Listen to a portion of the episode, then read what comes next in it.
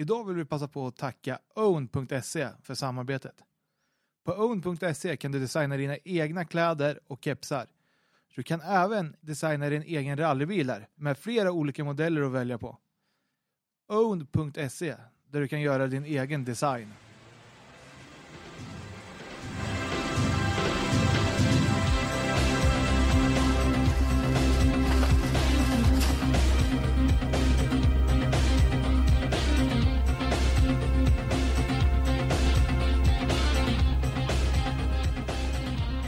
Välkomna till Rallypodden.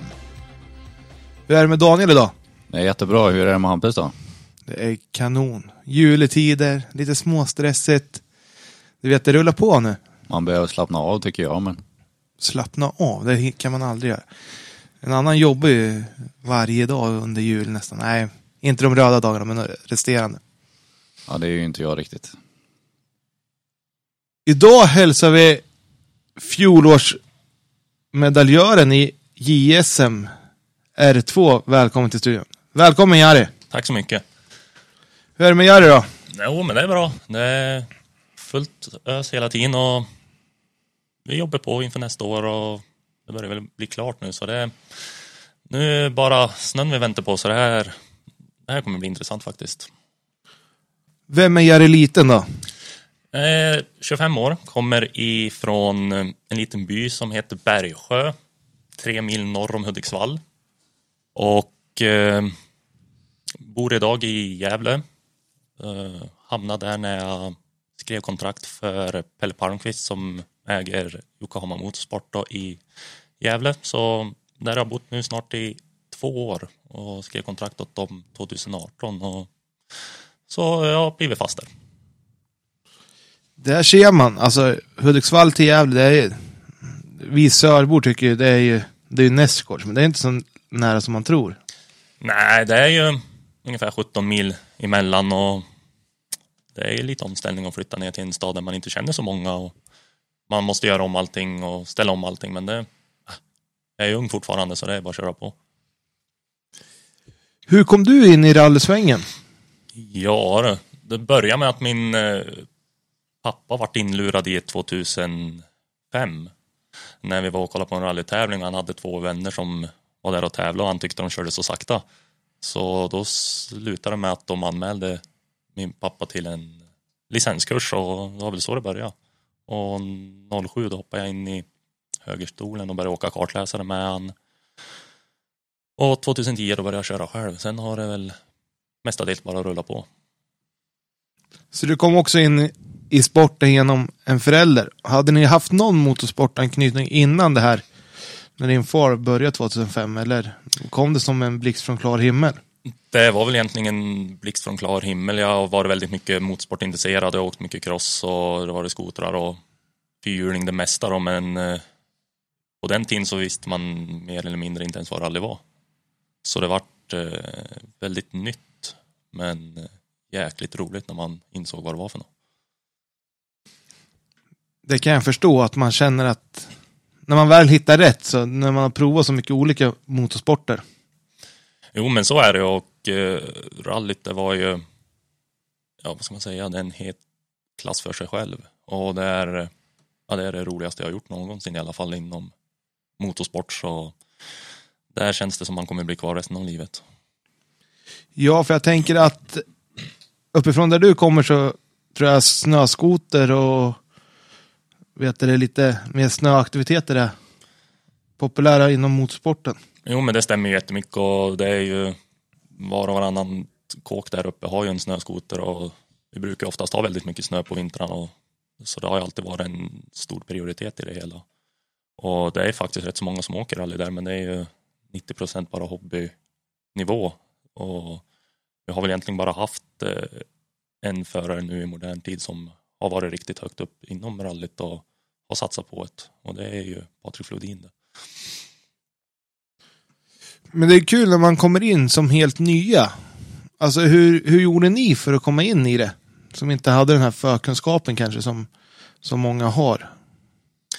Ja, det- det började ju med att han varit inlurad och vi fick licenskursen och den eh, pluggade ju pappa min på mest då, jag vet hur det fungerar och vi fick tag på en bil och det, sen rullade det på. Man lärde ju sig mer och mer eftersom bara. Och på den tiden var inte jag alls någon gammal när han började mötte så det vart ju att man var ju med hela tiden på varenda tävling och, och han höll ju också bara på i hobbynivå. Det var ju en eh, standardgrupp E-bil han åkte och har ju aldrig satsat alls på motorsport alls. Han har ju bara åkt för att det var jätteroligt. Och, och att jag började satsa på det, det är faktiskt en lite rolig historia. Dit kommer vi lite senare i programmet. Det stämmer bra det. Men 2007 då? Hur kom det sig att du ville åka med pappa i rallybilen då? då? Men man har ju varit med på så gott som varenda tävling och det slutar ju med att man har ju åkt med på tester och allt möjligt och det, det var jätteroligt. Och när man fick chansen att börja åka då, då tog man ju chansen och åkte för att man brann ju för att det var ju så otroligt häftigt och roligt att vara med. Så att åka bredvid det är väl, det var jätteroligt på den tiden också. Eh, idag skulle jag nog, får man nog tjata på mig bra mycket för att få mig i den stolen för det, jag vet inte om det är med åldern eller vad det är men eh, mer och mer äldre jag blir så mer åkrädd blir jag. Äh, åkrädd alltså, jag blir åksjuk istället. Mm, ja. ja, den biten klarar jag mig faktiskt ifrån men jag tycker det är obehagligt att åka med någon när man inte själv kan ha kontrollen över grejerna. Och det börjar väl väldigt mycket med att när man börjar tävla själv, att man vill ha kontroll. Ja, det är klart. Jag har ju inte suttit jättemycket i en rallybil på tävling heller så jag kan inte jämföra. Men åkte ni mycket eller var det så sporadiska tävlingar ni kom till? Det var ju mest sporadiskt och väldigt mycket uppe där. Vi har ju den där eh, Hälsingeserien som det heter och de åkte ju mest den bara. Det var ju 90 procent bara de tävlingarna. Så vi var ju inte så mycket utöver i Sverige och åkte. Så vi höll oss väldigt mycket kring Hudiksvall och Sundsvall och Härjedalen och ja, de trakterna. Så det var ju mest tävlingar där bara. Men det är ju skönt när det finns en serie som ändå håller god kvalitet som man kan åka i närområdet när man kommer in som nybörjare som ni var då. Även fast de hade, att du hade pappas kompisar där.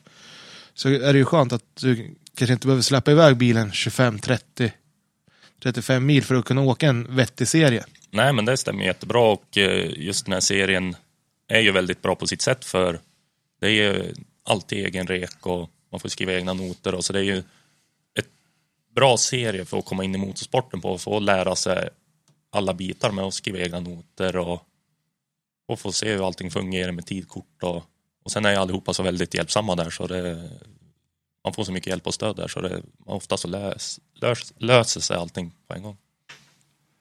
Kul att höra i alla fall att det, för det är sån, en sån serie som faller lite under radarn här neråt i trakterna. Eh, man märker att det börjar komma en ett par stycken som åker upp och åker de här tävlingarna tack vare att det är egen rek och att du har möjligheten att skriva egna noter fast det inte är på SM-nivå. Jo, men det stämmer ju. Och det är ju jättebra träning för även för de som åker SM också så är det jättebra att komma upp dit och få träna med egna noter. Och för idag så är ju en stor del av allihopa åker ju med egenskrivna noter när de åker något större idag. Så, så det är ju eh, en bra serie för att komma dit och åka och hålla igång sig bara. När vi närmar oss ditt eget insteg i rally som chaufför, när bestämde du dig att nu vill jag testa på att åka och köra själv? Ja, det börjar väl egentligen, man har ju alltid åkt, jag har haft mycket isbanor och sådana saker där uppe. Och det är ju häftigt att åka. Så är det helt klart. att köra, det är ju det är egentligen magiskt. Det är den adrenalinen man har, du får när du kör och det är magiskt. Så det slutade med att jag fick ta en av eh, standardbilarna som pappa hade då på den tiden 2010 så hade vi två stycken för hade han just byggt en eh, Grupp E Ford också. Och då hade vi en Opel Ascona B stående i garage också som jag fick börja tävla med. Så jag åkte ett par tävlingar i den för att komma in och köra. Och det, när man var 16 år så var det ju helt klart det bästa man kunde göra. Hade du med dig pappa i högstolen då när du började eller hade du någon annan med dig? Nej, det är inte många gånger jag fått in min far i, i högstolen. Han är ruskigt åkrädd och blir åksjuk direkt. Så jag hade faktiskt en kille som hette Magnus Andersson med mig som var en nära vän till min far. Då, så då, han åkte med mig så gott som hela ungdomstiden. Tycker du att det var en fördel att inte ha med pappa i högerstolen i utbildningsrallyt? Eller jag tror att det hade kunnat hjälpt att ha pappa med sig? Nej, men det tror jag faktiskt inte för vi är eh, väldigt olika när det gäller motorsporten. Jag har väl eh, mer eller mindre väldigt hett temperament när jag sitter bakom ratten och släpper ut det när jag kör och han är mer cool, lugn och bara kör på. Så nej, det hade nog blivit alldeles för mycket diskussioner i bilen om jag hade haft han med. Skönt är att man har någon som ställer upp och åker med då när man känner att vi kanske inte skulle passa så bra ihop och att man får, får någon som ställer upp. För ibland kan det vara jättesvårt att hitta någon som vill åka med när man väl ska börja.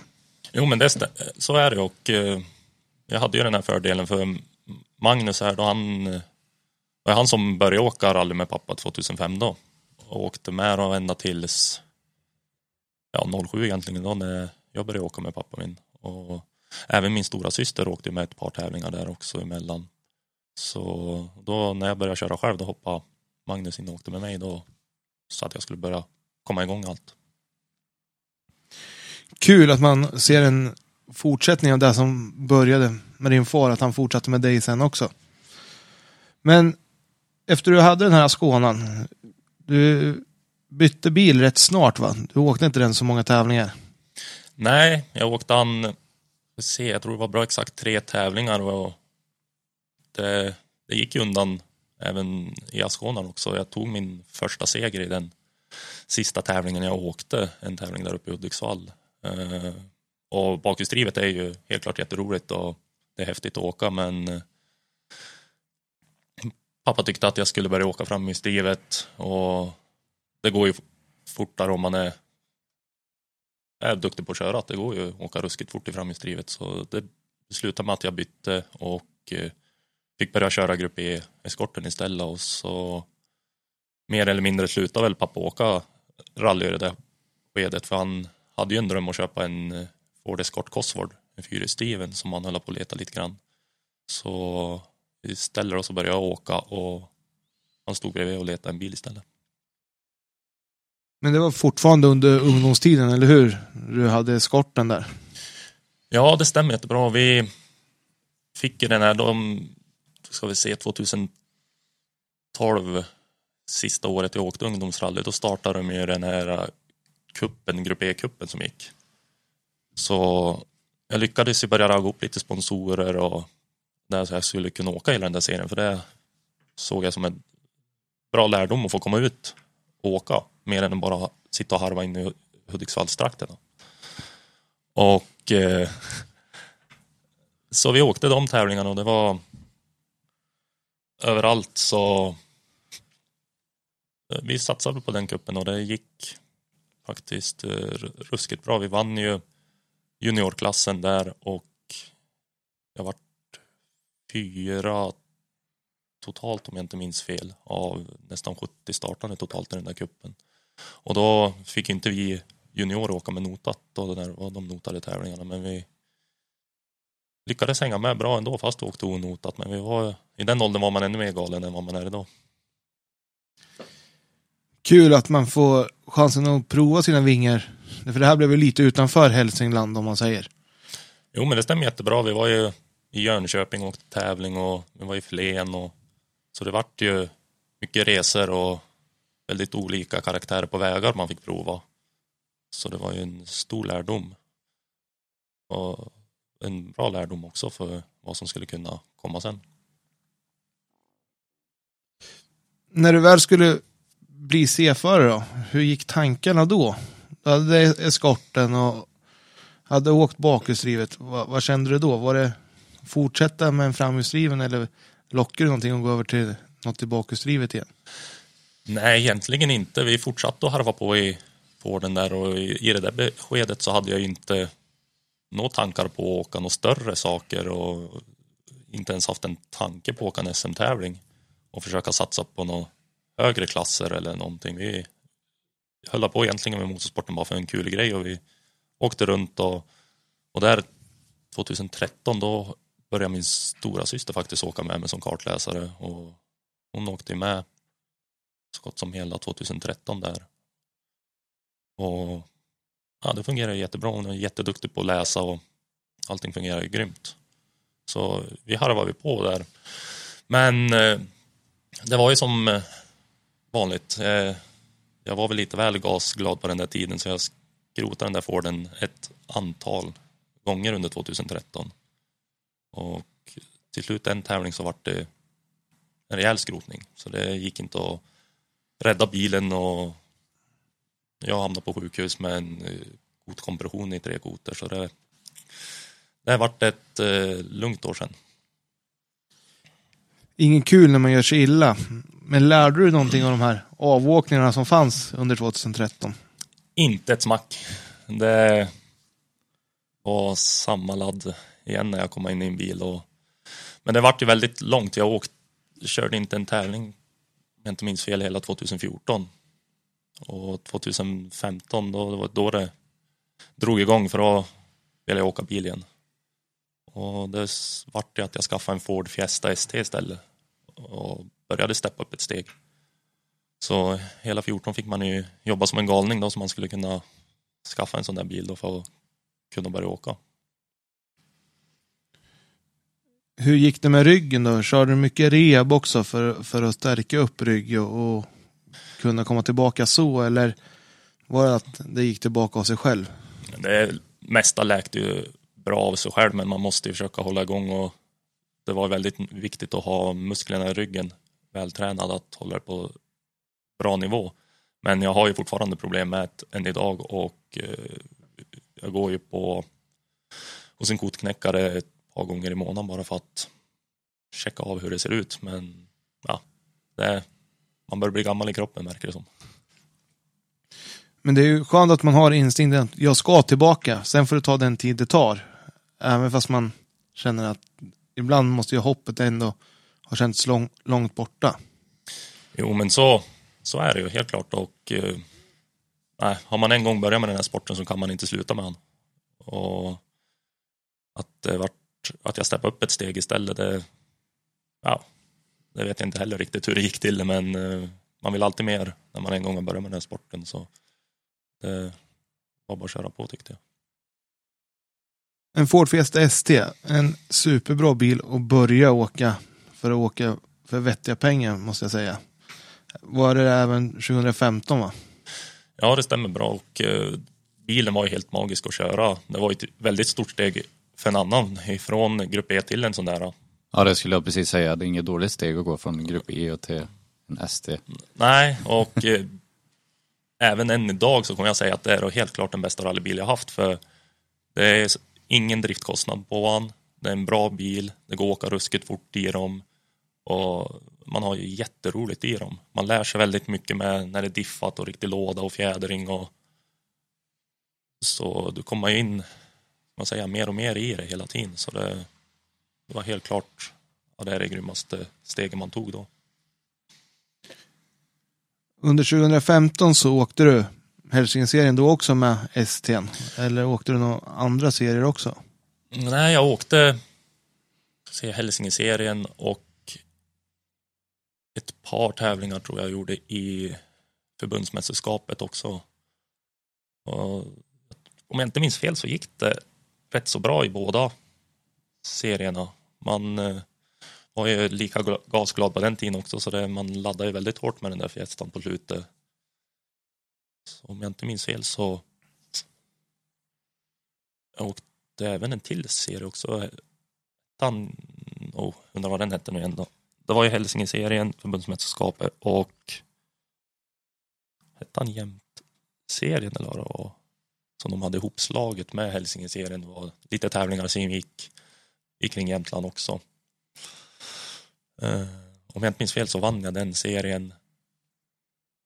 Om jag vann eller var tvåa i Hälsingeserien och så vart jag tvåa eller någonting i förbundsmästerskapet där jag minnet är inte den bästa men någonting sånt där tror jag det var.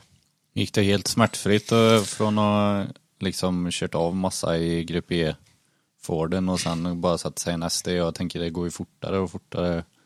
Det gick väl eh, egentligen smärtfritt i början. Eh, men eh, sista tävlingen jag åkte där 2015 så skrotade jag även SDn också. Det vart en rätt så skaplig rullning i om det var i Rimo eller vart jag var någonstans och åkte. Så det vart väldigt många garagetimmar där inför vintersäsongen 16 istället. Skönt att göra det på slutet då. Ja, det kan jag hålla med om. Jag hade ju Skönt, bra många skönt. timmar. Men du gjorde även SM-debut, eller SM-sprintsdebut 2015 i Sundsvall väl? Just det, det gjorde jag också. Det stämmer, det hade jag totalt glömt bort. Eh, Ja, det var ju nära i, från där jag kommer upp till Sundsvall så vi provade på då att få, ja, men få lite mer tv-tid och man läste ju om det där och det var ju väldigt bra när man skulle försöka få fram lite mer sponsorer för det kostar ju att åka. Det vart ju väldigt mer dyrare i däckkostnader och soppa och, och man ville ju åka runt och tävla så det vart ju resor och allting så allting kostar ju, så var det ju. Mm, och jag kommer inte ihåg hur det gick i sprinten där men jag hade säkert jätteroligt. Ja, det var, det var ju en frisk fläkt, men jag tror inte det räckte hela vägen till final. Jag tror du missade den med ett par placeringar. Kan nog stämma jättebra det. Ja, minnet är inte den bästa. Men du hade ändå fått prova på och mäta dig med de här större grabbarna som hade åkt i, för många åker i SM-serien och tar SM-sprinten för precis det här med mediatiden som du säger. Jo, men det stämmer jättebra. Och det, I och för sig åkte man ju en eh, Grupp N-bil och de som åkte SM-sprinten de åkte ju riktiga Grupp H-bilar och det var ju inga dåliga grejer. Så det var väl lite tufft att hänga med, så är det. Men eh, man var ju även väldigt ny i den där klassen och bil så, så man, eh, ja, jag vet inte riktigt varför jag åkte dit och köra men det var väl mycket för Och testa Det- sig för de andra i klassen kanske. För att se var man kan placera sig jämfört. Ja, jo men så var det och eh, ja, det var intressant faktiskt. Hur gick planerna då? Efter de här garagetimmarna du fick lägga efter du hade slagit runt med STn. Ja, vi hade väl egentligen inga tankar och planer alls. Det, det var väl egentligen att vi skulle bara åka på och ha roligt som möjligt. Men eh, ja, vi, jag och en kompis fick ju en snill idé där att vi skulle prova på SM-tävlingen i Sandviken. Det var väl mest för en kul sak bara. Och eh, vi gjorde det. Vi fick ihop pengarna dit och han åkte med mig. Och vi tog inte det så seriöst om vi säger så. Vi köpte noter, åkte på arrangörsnoter, åkte inte ens och reka. Vi gjorde ingenting seriöst på den där tävlingen. Och det var lite tråkigt faktiskt för om jag inte var det fredag kväll det gick på travet i Gävle så körde vi fel där för det var, ja, hade man rekat så hade det kanske gått bättre. men eh, så det var lite tråkigt så vi fick ju ett bra tidstillägg där men eh, när vi kom ut i skogen på lördagen så såg vi att vi hängde ju med rätt så bra. Vi var ju uppe och tror vi hade några tider som räckte till en fjärde plats i klassen och femte. Vi låg ju där uppe och var med ändå fast vi inte hade tagit det något seriöst. Och det var väl där fröet föddes över SM. Och ja, sen var det kört. Kört eller öppnade sig möjligheter.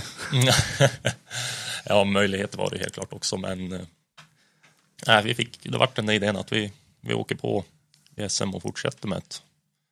Och jagar väldigt mycket sponsorer och arbetade på väldigt hårt för att komma till start i Östersund också. Och hade väl egentligen bra, bra känsla dit och vi tog det seriöst. Vi reka.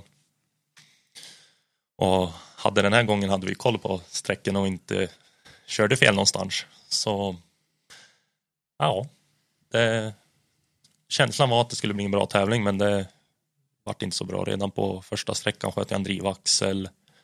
Andra sträckan fick jag kabelbrand i bilen så vi bröt redan på fredagskvällen där. Ingen rolig start när man, när du väl ska ta det och göra det seriöst och strula med bilen redan på sträcka ett.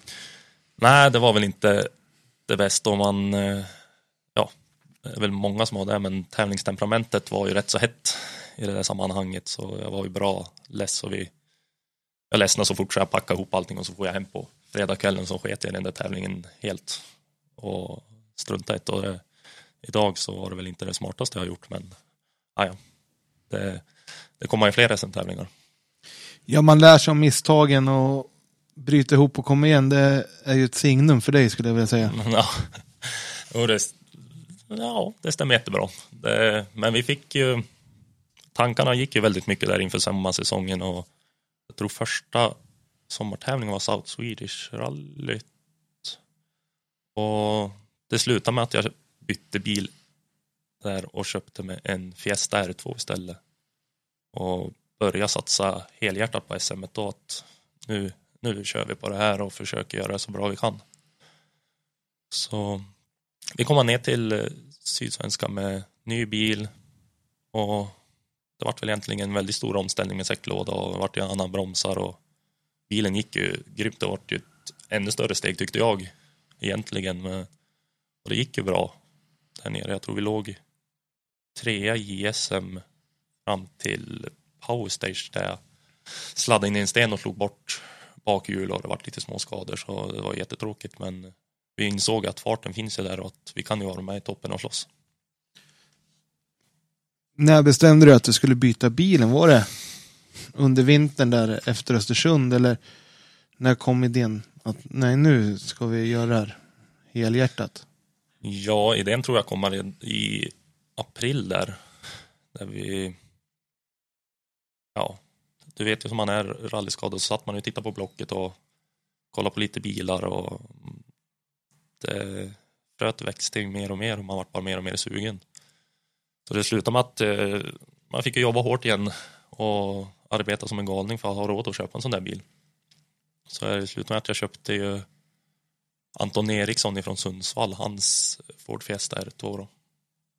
Och det var så det började. Det, man får ta det i steg och steg. Men man får jobba väldigt hårt för det då. Det är kul, alltså kul när man får den känslan att nu ska vi kämpa och slita för att det här är ju det roligaste vi vet. Och när man verkligen kan lyckas få ihop en budget till att åka och köpa den här nya bilen måste ju kännas som en vinst bara det. Ja, det gjorde det helt klart. Och då, man var ju som ett barn på julafton när man hämtade den där bilen och det var ju otroligt häftigt. Eh, så det, är en speciell känsla. Det är ju helt klart. Och egentligen om man tänker efter ifrån att inte ens ha en tanke på att åka SM och inte ens haft ett sånt mål någonsin. Så blir, vänder det så fort och man skaffar sig en bil för att klara av att vara med i toppen i SM och slåss och sen satsar man helhjärtat på SM så det, det märker väldigt fort hur snabbt det kan vända. När ni var nere på Sydsvenska där, hur gick snacket bland konkurrenterna när du kom i en ny bil? Ja, det vet jag faktiskt inte själv. det, många såg väl egentligen mig som bara som en ny, ny person som ska satsa på SM. Och eh, jag vet faktiskt inte riktigt vad snacket gick där. Det, man var ju väldigt ny i sporten så man, man hade ju inte kontakt med så många som åkte SM och man var ju väldigt ska man säga, själv, för sig själv där i början. Innan man börjar lära känna allihop sådana saker. Så ja, bra fråga vad de tänkte. Tror du att det var svårare att komma in i det här SM-gänget för tre, fyra, fem år sedan än vad det är idag? För när man har hört nu säga att det är en sån fruktansvärd sammanhållning, eller är det fortfarande svårare att komma in där än i en liten serie? Nej, det tror jag faktiskt inte idag när man ser på SM så är det någon grym sammanhållning och allihop hjälper alla. Och eh, det har ju vänt mer och mer att det är i bilen det ska avgöras, inte utanför bilen. Så den gemenskap där idag i SM, den, den är ju egentligen helt magisk. Det är ju faktiskt kul att höra att det har blivit en utveckling även där. Att inom teamen och mellan er konkurrenter också. Att man gör upp på sträckorna och inte ska jag behöva stå i, på servicen och bryta där för att man inte har fått någon hjälp eller känna att nej, det gick inte den här gången. Nej men så är det och eh, det är jätteroligt att se att alla hjälper alla idag och eh, egentligen inte bryr sig över, över det och tycker att det ska avgöras i bilen. För det, och det, så är det ju egentligen. Det ska ju avgöras i bilen och inte på serviceplatsen. Hur mycket test där hann du åka med Fiesten innan, eller R2 innan du kom till start i Sydsvenska? Det var ett par testvänder i, ja, där hemma i Hudik på en väg och sen var vi ner till Nora om jag inte minns fel och körde en sprinttävling där också bara för att känna på grejerna riktigt. Eh, och hur det gick där, det kom jag inte riktigt ihåg. Det vart inte pallplats, det vet jag i alla fall, men hur det gick det, det är en annan fråga. Det har inte jag heller jättebra koll på, men det, det är ändå skönt att få de här kilometerna i bilen innan man ska iväg och köra en tävling som betyder något. Jo, men så är det och eh, det, när man började så satsa helhjärtat så vill man ju vara så bra förberedd som möjligt. Och eh, ja, man försöker ju köra så mycket man hinner. Men det är, det är mycket som ska klaffa och man har ju ett jobb och det ska stämma med allt folk som ska följa med också. Så det, Ja, det, det tänkte jag på lite förut. Folk som följer med. Det är inte jättemånga tävlingar som går där uppe så det är, man vill ju ha med folk som alltid ställer upp och åker med så långt. Ja, och i början av min karriär så var ju väldigt mycket, det var jag och mina vänner egentligen som åkte runt på alla tävlingar och det var väl mer på nu på slutet av tiden som min eh, mors ska följer med och är med och skruvar. Men annars så har det ju 90 procent bara varit jag och mina vänner som åkt runt och tävlat. Snälla vänner alltså? Ja, de är ovärdeliga. du fortsätter ju säsongen med väldigt blandat resultat. Är det, du kommer till SM-sprinten även det här året. Ja, just Ja, då var vi i, gick till Norrköping, Nyköping? Norrköping har jag för mig det Ja, stämmer.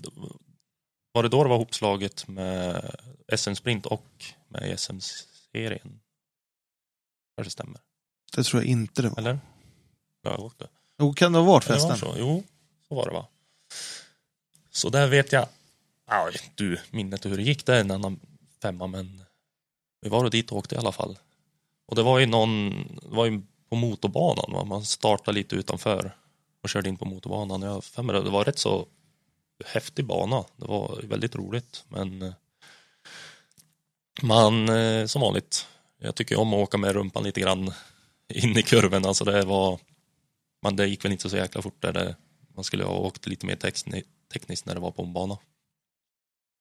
Men det, man måste ju showa också när det är tv-tid, eller hur? jo, helt klart. Det, man måste ju visa upp att man är en frisk fläkt. Visa upp sponsorerna lite. Ja, ja, det är bättre att komma på bredsida. Sitter mest reklam där ju. Ja, ja. Då blir sponsorerna nöjda i alla fall. Precis. Nej, men sen så var det lite motigt på hösten där. Under SM-deltävlingen i alla fall. Fick bryta både Linköping och Uppsala. Mm. Kanske, ja, Uppsala hade vi ju problem. Fasen vad jag gjorde då då? Det inte var något Undrar om inte jag sköt en drivaxel på den tävlingen eller fasen då. Ja, jag vågar inte säga, jag kommer inte ihåg. Men vi åkte även tävling, SM-tävling i Hässleholm också det året. Det stämmer bra det. Ja. Och där kommer jag ihåg, där hade vi en eh, bra kamp över eh, pallplatsen där jag, det var Dennis Rådström jag slogs med och eh, Jakob Jansson.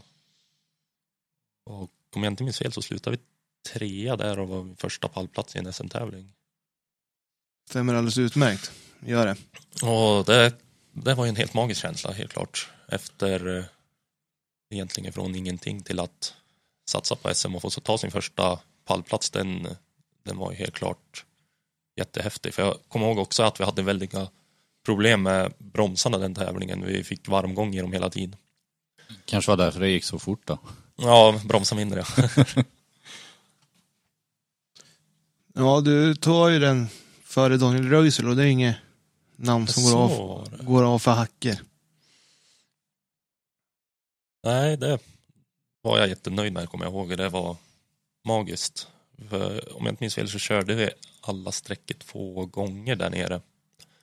Och första vändan hade vi väldigt motigt med bromsproblem och fick till det bra till andra vändan. Och då ökade vi ruskigt mycket och började plocka tid och placeringar. Så det, det slutade med en tredje plats och det, ja, det var ju magiskt då. Och att ta det på sista sträckan också, på Hovdala. Jag tror det var där du gick förbi. Det kan nog stämma. Minnet är inte det bästa men eh, jag kommer ihåg Hovdala i alla fall. Och vi, vi laddade på bra hårt där. Och det, det är en häftig sträcka. Jag gillar Hovdala riktigt mycket och det är en sträcka som har alla karaktärer. Det är, det är grymt att kunna koppla bort att du har problem med bilen och sen kunna sätta sådana tider ändå så det inte sätter griller i huvudet liksom.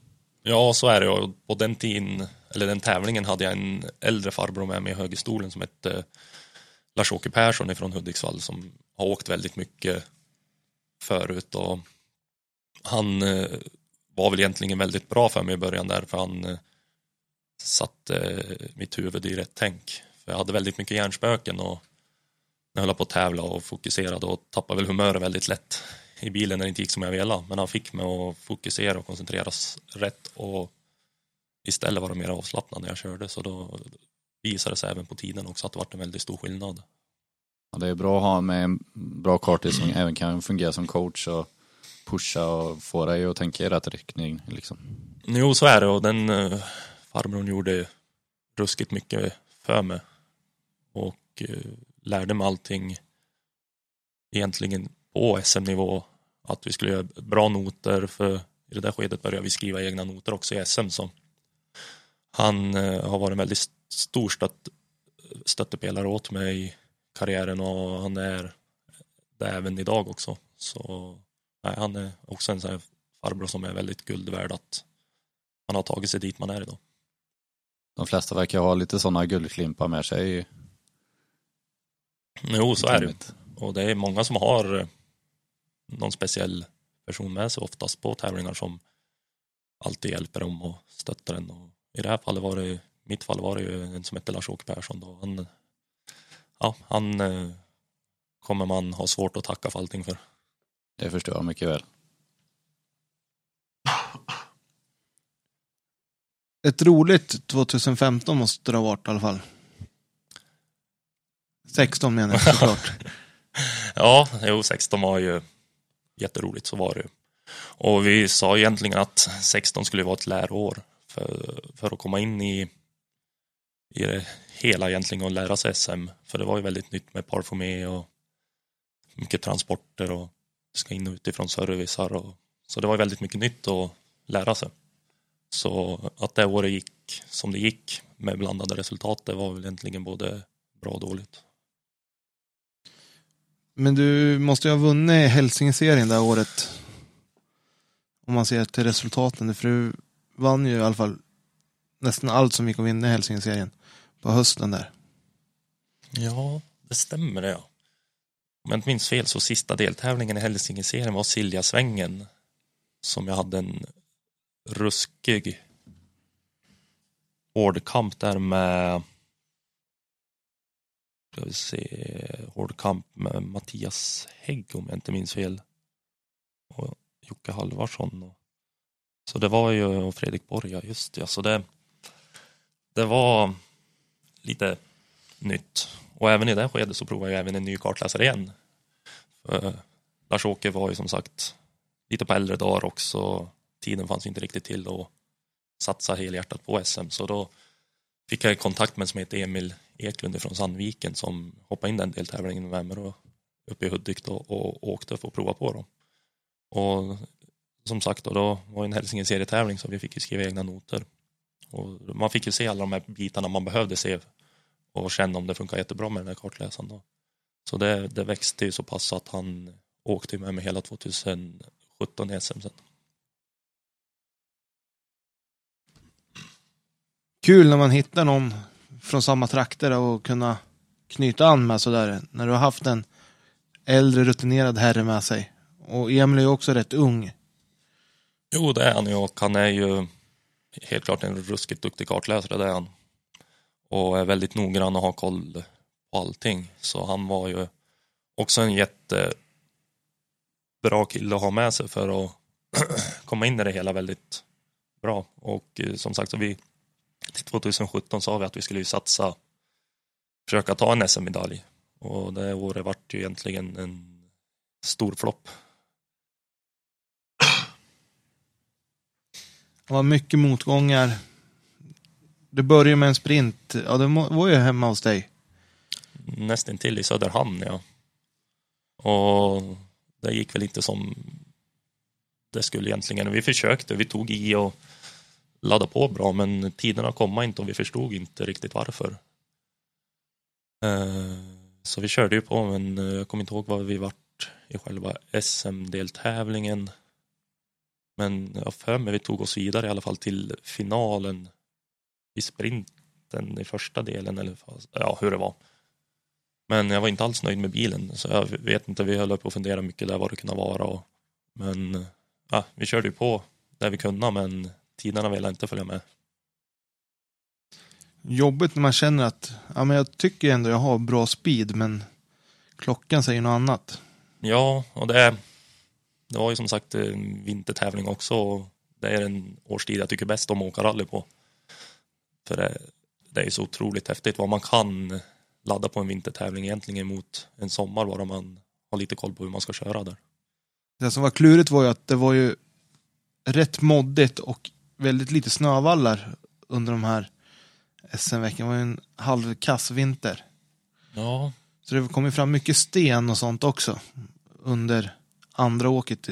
I det som, för då ingick ju också i stora SM då om man säger. Så det var ju inte bara en SM-sprint. Nej, det stämmer. Det var ju ett flertal som slog punktering där. För det, det började ju genas mer och mer när det inte fanns några snövallar att gå efter. så. Men eh, jag tror vi gjorde någon bra tvåhjuling i något vägbyte där också om jag inte minns fel. Jag tog i lite väl hårt och genade lite väl mycket och just i den kurvan så fanns det en snövall som högg i. Skönt att inte börja säsongen med en rullning i alla fall. Nej, där hade vi lite tur, det hade vi helt klart. Sen bar du av upp till Östersund ju. Ja, ja det. det stämmer och eh, mellan Söderhamn och Östersund eh, la vi ner väldigt mycket tid på bilen och eh, började fundera vad, vad det kunde vara varför vi inte fick med oss tiderna. Så vi gjorde en stor förändring faktiskt i setupen som eh, visade sig gjorde väldigt bra resultat. För när vi kom till Östersund och började åka så funkar bilen faktiskt riktigt bra. Vi var, vi var väldigt nöjda så sett. Och det vart en hård kamp där med Sebastian Johansson från Gotland och Daniel Röisel. Och om jag inte minns fel så slutade med en tredje plats där också i, i SM och det var inte många sekunder upp till andra platsen och Röisel var det väl en litet mer steg till. Ja, Röisel vann väl med 40-45 sekunder någonting. Men sen var det supertajt mellan dig och Sebastian, tror jag skilde typ 4-5 sekunder någonting. Ja, stämmer för Röisel var ju helt oslagbar när vi åkte Husås. Den sträckan åkte han ruskigt fort på. Och om jag inte minns fel så tog jag även min första sträckseger också uppe i Östersund det året. Det kan mycket väl stämma. Så bra koll har jag inte. Men... Nej. Om jag inte minns fel så tror jag det var sträcka sex eller någonting. Men det var ju vinter det, och uppe i Östersund, de vägarna gillar jag. Det är en tävling som har alla karaktärer, alla förutsättningar för att ha ett bra vinterrally. Det är ju riktigt, alltså som du säger, riktigt fräna karaktärer på vägar. Och Husås, det har vi hört flera som har varit här som säger att det är en magisk sträcka att åka på. Och om du hittar där inne och får till så kan du vinna otroligt mycket tid. Ja, det stämmer. Det är ju, än idag är det ju fortfarande min mest favoritsträcka i, någonsin här i Sverige. Det är hos det är ju oslagbar vilken häftig sträcka det är att åka rally på. Kul när man har sådana minnen från en sträcka som är den är ju ändå nästan tre mil lång när den är i sin fulla sträckning. Ja, så är det ju. Man är ju bra trött i kroppen när man kommer i mål. Men ja, det är så häftigt. Det är från bred och fin väg som är doserad till smala, krokiga och det, och det svänger över stora lyft. Och så det är jättehäftiga sträcka för att kunna köra på. Efter Östersund då? Hur går tankarna då inför sommarsäsongen? Ja, hur gick den egentligen? Det gick väl egentligen som vanligt. Det var bara att rulla på och köra så mycket vi hann med och komma förberedd till SM. Kom inte riktigt, var det Sydsvenska som var första sommartävlingen i SM då? Ja, det är alltid Sydsvenska som går som första grus ungefär. Så stämmer ju. Och det året kommer jag ihåg att det var så ruskigt varmt. Och det damma ännu värre. Så det var ju väldigt speciell tävling men eh, om jag inte minns fel om det var Power Stage eller vad det var. Jag kommer ihåg att jag bröt den tävlingen. Uh, för vi körde motorras. Det vart, och inte dåligt motorras heller. Hade ett, uh, om jag inte minns fel så hade jag sju hål i motorblocket. Så det, det vart riktigt skrot den tävlingen. Lät inte billigt i alla fall. Nej, det sina väldigt mycket där i årsbudgeten men eh, vi lyckades i alla fall få upp bilen. Och eh, körde det var inför skruva som en galen kommer jag ihåg för det tog tid. Vi beställde en ny bottendel ifrån M-sport. Och det var tajt så otroligt att vi skulle hinna till andra sommardeltävlingen där i SM i Sandviken. Och jag kommer ihåg att vi var klar med bilen på fredagen så jag hann inte åka ner och reka. Ingenting och samtidigt så åkte jag på och vart ruskigt sjuk så jag hade 40 graders feber. Ja, det var, det var riktigt jävla kaostävling. Vi kom ju ner till tävling i alla fall men vi hann ju inte med att reka eller någonting. Så vi skulle starta tävlingen och ja, sa att vi kör efter arrangörsnoter. Vi har ju lite koll på hur vägarna ser ut där nere. Men eh, det började strula redan, om jag inte minns fel, på redan på första sträckan då, den tävlingen. Och det var en spridare som gav upp. Och vi var in på servicen och försökte lösa det så höll på att dona och krångla och vi fick till bilen. Och vi startade om, om jag inte minns fel där. Så vi startade sträcka komma in till sträcka 6 och åka. Och då strulade bilen igen. Så det, den tävlingen fick vi tyvärr också bryta och det var då vi insåg att nu blir det lite jobbigt med att försöka ta en medalj det här året. Man har brutit två tävlingar i rad. Jobbigt läge, alltså jag träffade dig när vi travet som starten var. På, och du var inte alls pigg redan på fredagen där? Nej, jag var bra, bra sliten då. Eh, men eh, som tävlingsmänniska man är och envis om man vill åka tävlingen så det var ju bara knapra Alvedon och plåga sig iväg. Och sen efter det så blev det väl liggande ett tag med den här ja, sjukstugan? det vart man lärde väl sig av sina misstag att man ska egentligen eh, ta det lite lugnt när man är sådär dålig. Det, slutade med att jag fick en stor infektion i halsen och vart till och med liggandes på sjukhus där en sväng. Så det, ja, det vart ett jäkla speciellt år. Ibland kanske man lyssnar på kroppen alldeles för lite när tävlings man går på adrenalinet alldeles för länge. Ja, det gör man och i mitt fall är jag värdelös att lyssna på kroppen. Jag plågar mig hellre. Men du kom ju vidare sen och pigna på det där under sommaren? För det blev ju ett uppehåll där innan höstsäsongen drog igång. Ja, det varit lite boll där och vi, vi gick igenom bilen egentligen otroligt mycket. För vi skulle vara redo för Kolsva-SM eh, då. Och vi gick in som vanligt helhjärtat och skulle göra en riktigt bra tävling av det också hade vi hoppats på. Och den tävlingen var det väl inget fel på attacken på första sträckan men det slutade med att vi skrotade bilen i målkurvan. Ja, det var ju bra fart in i alla fall. Ja, den farten var absolut inget fel på men jag tror det var lite tur i oturen att det stod en stenstolpe där på ytten för annars hade vi nog plockat bredsidan in i ett stort träd istället. Tråkigt när, det, alltså när du väl har återhämtat efter sjukdom och allting och lagt ner massa tid på bilen att det slutar redan efter målskyltarna på ett sätt. ja, det var väl inte det bästa. Men eh, som vanligt, man var väl alldeles för mycket frisk fläkt där. Så det, ja, i det där skedet så saknar man egentligen lite att ha Lars-Åke Persson med en som coolade ner lite grann när man körde så. Men eh, ja, det var ju inget fel på attacken men man, man gjorde för mycket misstag.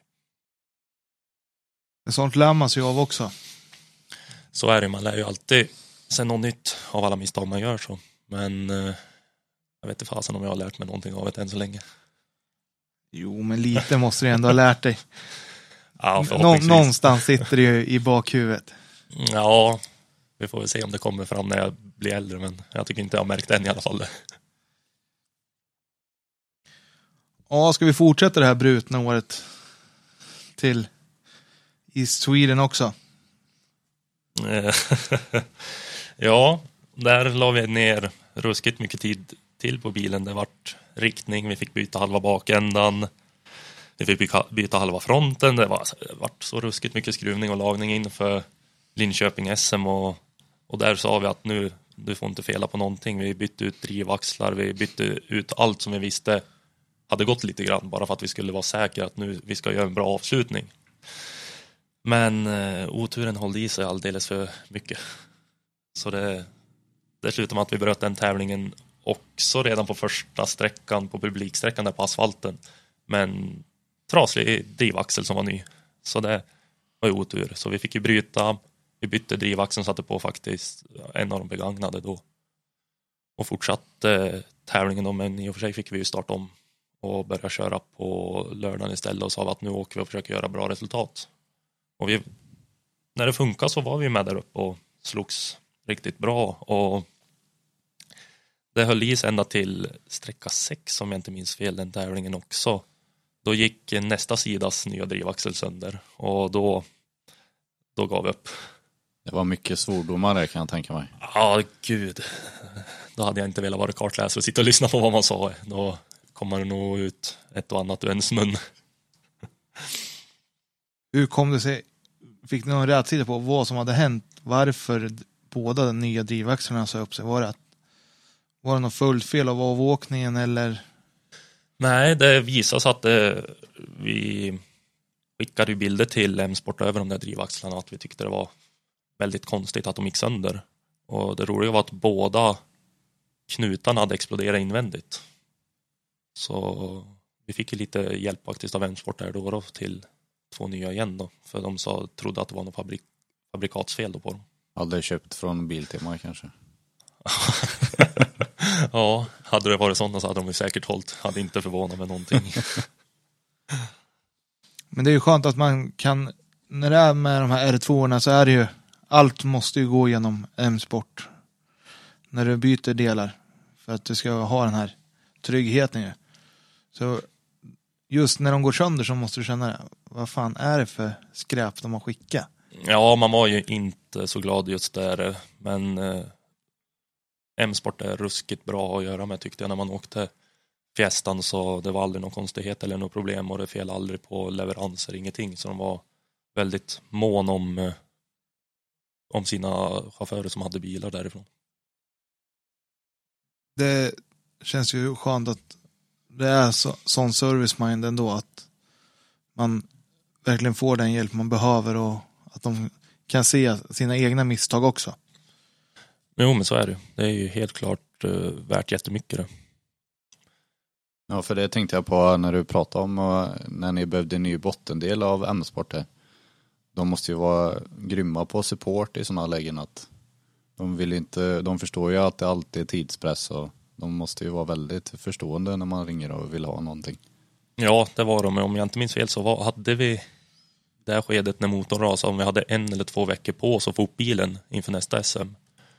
Och vi sa till Hemsport att det är bråttom, vi måste få hem grejerna. Och det tog två dagar så hade jag allting hemma ifrån England till där jag bodde. Det är grymt. Beställer man något i Sverige på vissa företag så kan det ju ta en vecka. Ja, så är det och de var, de var snabb. De har varit faktiskt imponerade av det. Ja, det är kul att höra. Men du fick ju avsluta året lite snyggt uppe i hemmatrakterna där. Ja, vi försökte få tillbaka den här körglädjen efter allt strul det där året och vi passade på att åka de två sista tävlingarna i Hälsingeserien. Så vi körde ju Siljasvängen där vi hade också, det året hade vi en ruskigt hård kamp med Mattias Hägg. Och tyvärr så tog han det längsta strået och tog oss på den tävlingen så vi var tvåa där. Men eh, körglädjen började komma tillbaka mer och mer. Så jag fortsatte åka och så åkte jag ju en tävling uppe i Östersund, grus OV-rallyt om jag inte minns fel. Och eh, i det skedet där hoppade den rutinerade David Arisander in i högerstolen och gjorde ett magiskt jobb och det var jätteroliga sträckor. Det var väldigt rakt men det gick fort på sladd så det var ju häftigt på sitt vis om man säger så. så. Och det slutade ju med en seger i den tävlingen så det var, det var skönt sätt att avsluta året på för att få tillbaka körglädjen och ett väldigt mycket självförtroende. Ja, och så kom du ner till Mattias Adielssons rallyskola också i Nyköping det året. Ja, ja, det gjorde vi också ja. Det gjorde vi och det gav en faktiskt väldigt mycket också, även på noter och körning och lite över hur bilen ska fungera. Och där sker Mattias är ju grym på att lära ut saker och förklara. Så han är en jättestor stöttepelare på så det sätt att veta hur man ska göra allting. Och eh, Andreas åkte ju med mig då på testvägen vi hade på rallyskolan och hjälpte mig väldigt mycket med noterna och fick mig att tänka om lite grann där också så det, det, det gjorde ju en stor skillnad sen när man började åka. Vad, alltså, under de där, första dagen var ju banåkning, andra dagen var skogssträckan. Och det regnade ju fruktansvärt mycket på lördagen där. Alltså det var ju väldigt svåra förhållanden på banan. Det var väldigt måndigt. Men du var ju den som var mest flitig med och tog hjälp av vet du, stötdämparexperten vi hade på plats också. Och ställde in bilen och testade olika inställningar om man säger. Ja, det stämmer ju. För Micke Gustafsson var ju med där ja. Och man tog ju sin chans faktiskt där när man var på den där rallyskolan och var där för att få lära sig mer. Och när det var, jag kommer ihåg att det regnade ju nog ruskigt mycket där och det var ju ruskigt kladdigt på banan. Men då tog vi hjälp av Micke och han hjälpte mig ställa in bilen och det och vi provade på lite annorlunda sätt för att få honom att fungera jättebra i det kladdiga och lösa förhållandena. Och man märkte ju skillnad när det var någon som kunde det där riktigt fullt ut. Och det var ju häftigt att se faktiskt vilken skillnad det varit på bilen. Tror du att det är något, är det sånt som behövs för rally Sverige eller är det att man ska våga testa själv? Det är väl lite både och det där tycker jag för eh, många har ju lite svårt att känna hur bilen ska uppföras och gå om man inte är van med det med stötdämpariet men det är ju ruskigt mycket värt det att få hjälp med det men som har kunskapen och kanske kan hoppa in och åka med på ett test och känna och få fram bilen det bästa man kan få. Och jag tycker helt klart man ska ta hjälp av en duktig person inom fjädringen för det, det är svårt idag att hitta det där lilla, lilla extra som man behöver. Och sen var ju du jäkligt generös och lät andra yngre prova din bil också som hade tankar. För jag har för mig att Isak Nordström fick testa din bil. Ja, det stämmer och eh, David Arisander var ju med ner till den där rallyskolan och åkte ner med och han berättade då att Isak var ju väldigt sugen på att prova en sån där bil. Och jag tyckte det fanns väl ingen bättre möjlighet än att låta han få prova bilen, banan. Så jag gjorde det och den glädjen som han visade då, det, det var faktiskt väldigt roligt att se. Så det är ju väldigt lärorikt att vara med på sådana här grejer. Och man lär ju knyta nya kontakter också. Ja, så är det ju. Och eh, jag har alltid velat försöka vara så generös som möjligt och vilja hjälpa andra att få prova på saker. Och... Så det är ju egentligen, vi håller ju på med en motorsport så är det ju, det finns ju väldigt många som har svårt att få, få ihop det och få det att funka. Och att man kan uppfylla någons dröm i, i det där skedet och få prova en riktig bil, det såg jag egentligen bara som en bra sak för han att få prova på. Superkul. Och du knöt ju nya kontakter även nere i Nyköping. Vi hade ju lite gäster där och sen blev det ju verkligen buller och bång här framåt 2018. Ja, vi fick ju en väldigt bra möjlighet där och ett förtroende egentligen av eh, en som heter Jonny Andersson som driver R-Sport Sweden idag. Och får köra en av hans eh, Peugeot R2 i SM 2018. Och det vart ju, för en annan var det ju sjukt häftigt. Det, efter det år man har haft och ändå se att det fanns någon i, det här fallet som såg kanske något extra i en att ja, men den här killen vill vi väl försöka satsa på. Så det året vart ju ja, helt otroligt egentligen. Ni började ju, du kan ju berätta vad, vad som hände där, för det blev ju helt nytt för dig också. Alltihop under 20, till 2018. Oh, det var väldigt mycket och när vi fick det där äh, möjligheten att köra för dem då så ja, jag hade ju ett jobb som var väldigt besvärligt just för motorsporten. Jag var en resande maskinmekaniker och låg ju väldigt mycket ute och jobbade. Så jag sa upp mig egentligen ja, från jobbet och skulle satsa helhjärtat på rallyt. Så jag var ju 90 procent nere i Säter den vintern bara och jobbade väl ingenting och bara fokuserade på rallyt. Så det, vi åkte, försökte göra ett bra år och det vart en ny kartläsare även där. För Emil Eklund var det ju tanken först att han skulle fortsätta åka med mig. Men eh, det vart tillök i familjen där och han hade väl lite problem att vara med på vinterdelen. Och eh, ja, det vart ju ett nytt jagande på en ny kartläsare och vi fick med oss Mikael Källgren som har åkt med mig nu i två år. Och det var väl väldigt bra på sitt sätt. Det var ju det, var det bästa egentligen som kunde ha hänt mig i en högerstol för den eh, farbrorn gjorde har gjort så otroligt mycket för mig i motorsporten så det, det ja, jag vet inte vad man ska säga riktigt om det men det, det var guld värt.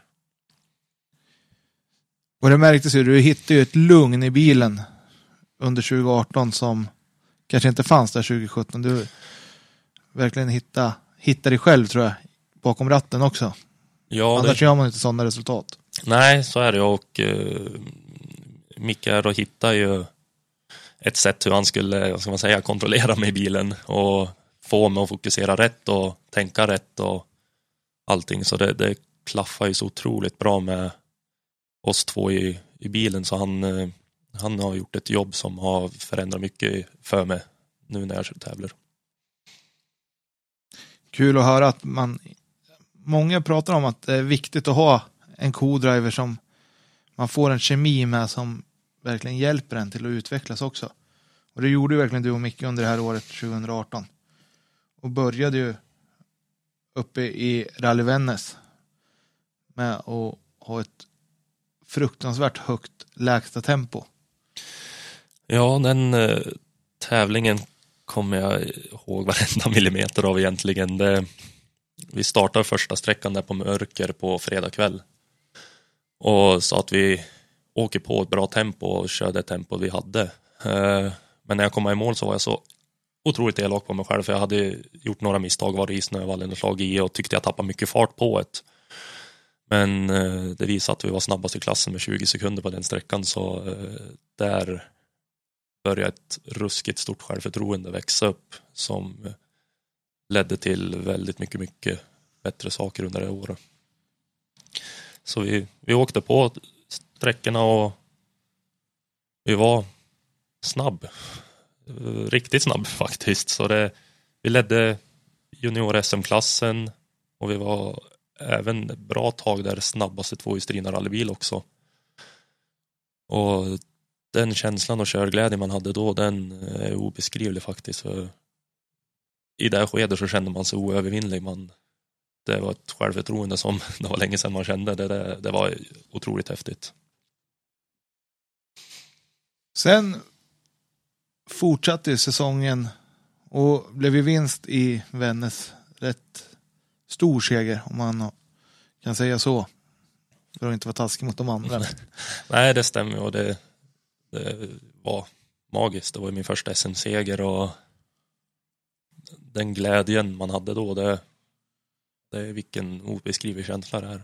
Och se efter alla struliga år och mycket krångel till att vinna sin första SM-tävling rätt så ordentligt och jag tror jag varit tvåa totalt också i tvåhjulsdrivet. Om det var Stefan Jonsson som var före mig. Så det, det gick, den tävlingen gick det väldigt fort i. Och även din teamkompis lyckades ju vinna första ja. tävlingen där uppe. Just det, Pontus Åman åkte även för R-sport också på den, den vintern. Och han vann ju, han åkte senior tror jag, seniorklassen otrimmat 2VD då. Och vann sin klass. Så det, man kan inte starta ett år i ett team bättre med dubbelseger på båda bilarna. Det är svårt att starta, som sagt, bättre. Eh, vidare till Östersund sen. Så fortsatte du med R-sport. Mycket jobb i sätet kan jag tänka mig. Ja, vi la ner bra med tid där för att vara förberedd och komma bra upp till Östersund också. Och den tävlingen började väl inte så lika bra. Eh, visst, om jag inte minns fel så körde vi första sträckan var USÅs och eh, jag tappade fokuset ruskigt mycket därför jag fick en felindikering på displayen på bilen som resulterade att vi gjorde en lite mindre avåkning men lyckades ta oss lös på egen hand. Så vi tappade väldigt mycket tid där inför lördagen. Eh, men eh, jag var bra bestämd och Micke fick mig att tänka på rätt saker igen och tävlingssinnet vart extremt så vi laddade på hårt på första sträckan på lördagen. Jag, om jag inte minns fel så gick vi upp på ledning direkt efter att ha åkt första sträckan på lördagen. Och sen håller det i sig hela tävlingen så det slutar med även en seger där. Skön känsla att komma tillbaka efter en mindre lyckad start. Ja, det var otroligt häftigt och det var en väldigt speciell tävling för det kom mycket nysnö där också efter lunch på lördagen om jag inte minns fel. Så vi fick åka två eller tre sträckor med nästan två decimeter snö på på sträckorna.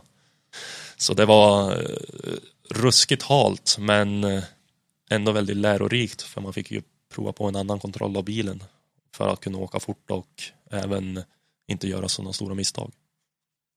Ja, det blev väldigt mycket tricky condition där efter lunchen. Jag kommer ihåg när vi gick ut och skulle titta på en sträcka, vi sa det här kommer ju verkligen det kommer skilja mycket för de som går ut först och sist i klassen. Och jag tänker, ni gick ut efter, ni gick ut först då ju. Ja, våran klass gick ut först och jag startade sist i klassen. Och visst, det var lite spår framme när jag kom, men jag tyckte det var ruskigt halt så jag kan ju bara föreställa mig hur det var för dem framför mig. Då är det en fördel att ligga SM när det blir sådana och få gå ut sist i klassen. Varje spår under de förutsättningarna var ju guld värda att ha. Ja, så var det helt klart och man måste ju försöka åka väldigt cleant och snyggt att försöka hålla sig i spåren och det kan jag säga, det var inte min starka sida och det har det väl aldrig varit i motorsporten. Efter målgång i Östersund så händer det något stort också. I karriären måste det också vara. Ja, Eh, vi bröt kontraktet med RS-sport efter olika anledningar. Och eh, jag var väl egentligen väldigt noggrann då när jag hade bestämt mig att vi skulle göra det. Så hade jag kontakt med alla mina sponsorer först och berätta, berätta hur det låg till. Och att vi kommer nu säga ifrån att fortsätta åt teamet. Eh, och det var i det skedet så hade jag ju valt det året att åka på Yokohama-däcken. Så jag pratade även med Pelle Palmqvist då när jag var på väg ner till Säter. Och Pelle sa till mig att eh, hör höra av mig efter eh, att ha varit där och få höra hur det gick. Och det var väl egentligen den stora vändningen i livet för efter jag hade varit ner och pratat med Jonny och så ringde jag upp Pelle och berättade att det var klart och att vi får se hur jag gör med resten av säsongen sa jag. Jag har ju, hade i det här skedet faktiskt min R2 Fiesta kvar ståendes i garaget och vi sa att vi lägger väl kanske ner tid och försöker åka klart säsongen med den. Men eh, istället så vart det ett möte med Pelle och det vart ett nytt kontrakt med Pelle Palmqvist och Yokohama Motorsport istället i Gävle. Så det vart en väldigt stor vändning i livet. Och så det, ja, det verkar svänga fort i den här sporten när det händer saker. Det blev en flytt till Gävle, det blev jobb hos Pelle. Och vad innebar det för rallysatsningen? Det innebar väldigt mycket. Vi, I det där skedet hade jag ju sagt upp mig från det jobb jag hade så jag hade ju egentligen inget jobb. Eh, så det var ju, ska man säga, lite knapert att leva. så då visade det sig att eh, Andreas Sjölander eh, skulle flytta upp till Piteå och tjänsten på Yokohama vart ledig så då erbjöd Pelle även med ett jobb där. Så jag fick flytta ner till Gävle, börja jobba där och fick även köra en eh, Peugeot för Pelle ihop med hans son och Petter. Så det vart ju ett tvåbilsteam igen fast åt en annan. Så det är jag väldigt tacksam för och så mycket som Pelle har gjort för mig så ja, det, det kommer jag ångest den dagen jag måste hitta på någonting och ge tillbaka för det är ovärderligt allt han har gjort. Skönt att man får sån kontakt efter att kanske veta att nu måste jag ta hem det här. Jag har inget jobb när du bryter kontraktet med R-sport. Att det verkligen kan ge tur ändå mot, mot sig själv. Att den här inledningen på säsongen gav ju eko i rally-Sverige kan man ju säga. Ja, det vart ju väldigt mycket praterier där hur allting var och hur det vändes så fort. Men eh, nej, Pelle var, han var ovärderlig. Han, han räddade egentligen hela säsongen för mig. Och eh, vi var ner till eh, Frankrike till Peugeot Motorsport och hämtade hem en till Peugeot. Så vi gjorde ordning båda bilarna, gjorde en Yokama-design på dem och gjorde det väldigt seriöst och snyggt. Och när vi kom ner till eh, Sydsvenska tror jag det var då också, så kom vi ner med en eh, snygg prydlig Yokohama-trailer och två Peugeot R2 så det vart ett ännu högre steg i min karriär som ja, det är egentligen svårt att tänka på vart man börjar sporten, att inte ens ha tanken på att åka SM till att uh, ha ett kontrakt idag med Yokohama Motorsport i Gävle och det som sagt, det vänder väldigt fort den här sporten. Och farten satt ju i sen vintern. Ja, tydligen. Det gjorde han och vi åkte på där och det gick väldigt bra. Det gjorde det och vi hade en hård kamp då, kommer jag ihåg, med Albin Nord. Som jag tror han fick bryta det rallyt. Och det var jättetråkigt, vi slogs väldigt hårt och Eddie Lundqvist var med och Viktor Karlsson var med och slogs där så det var en hård kamp den tävlingen och men eh, ja, självförtroende satt ju i och man hade tankarna i schack och eh, man var iskall så eh, vi lyckas ju vinna den tävlingen också. Skön start för nya teamet och få visa att det var inte bara bilen, alltså en ny bil var det ju också. Ja. Det var ju i och för sig en Peugeot R2 fast det var... Det var en ny bil fast en ny bil fast en samma bil egentligen ja. som man åkte. Och det var ju, ja, jag åkte Yokohama-däcken och det var ju, de var ju första gången jag åkte egentligen på, på sommaren med. Och varit väldigt positivt överraskad på dem. För man har ju hört lite rykten och sådana här saker över alla däckmärken och det, men eh, jag gillar Yokohama-däcken och de var faktiskt, varit ett positivt besked av dem. Så det visade sig att man kunde vara säker när man körde och man kunna fokusera på rätt saker och ladda på och det gick i vägen den tävlingen. Riktigt kul och starta upp gruset med seger också. Ja. Sen, sen flyter det bara på för dig. Ja, tydligen. Det var ju det där magiska året som man har väntat på. Och jag kommer inte ihåg vilken SM-tävling var det? Askersund. Askersund, just ja. Oh, Askersund, fy. det, den tävlingen var rolig, men det var varmt. Det var nog det, det sjukaste jag varit med i rallyt här i Sverige någon gång. Men den tävlingen började väl också egentligen lite halvt som halvt. Vi slog väl punktering där på en sträcka och tappade bra med tid. Men eh, lyckades köra upp oss och det tråkiga var att Albin även fick bryta den tävlingen. Men vi hade en bra kamp med med, med Hampus Jakobsson och Viktor Karlsson den tävlingen. Och det var ju varmt, jag kommer inte ihåg, jag tror, det var kring 30 grader varmt i solen då, eller om det var mer. Det var hett. Ja, det var verkligen högsommar kan man säga. Alltså temperaturen mm. under tävlingen där var extrema.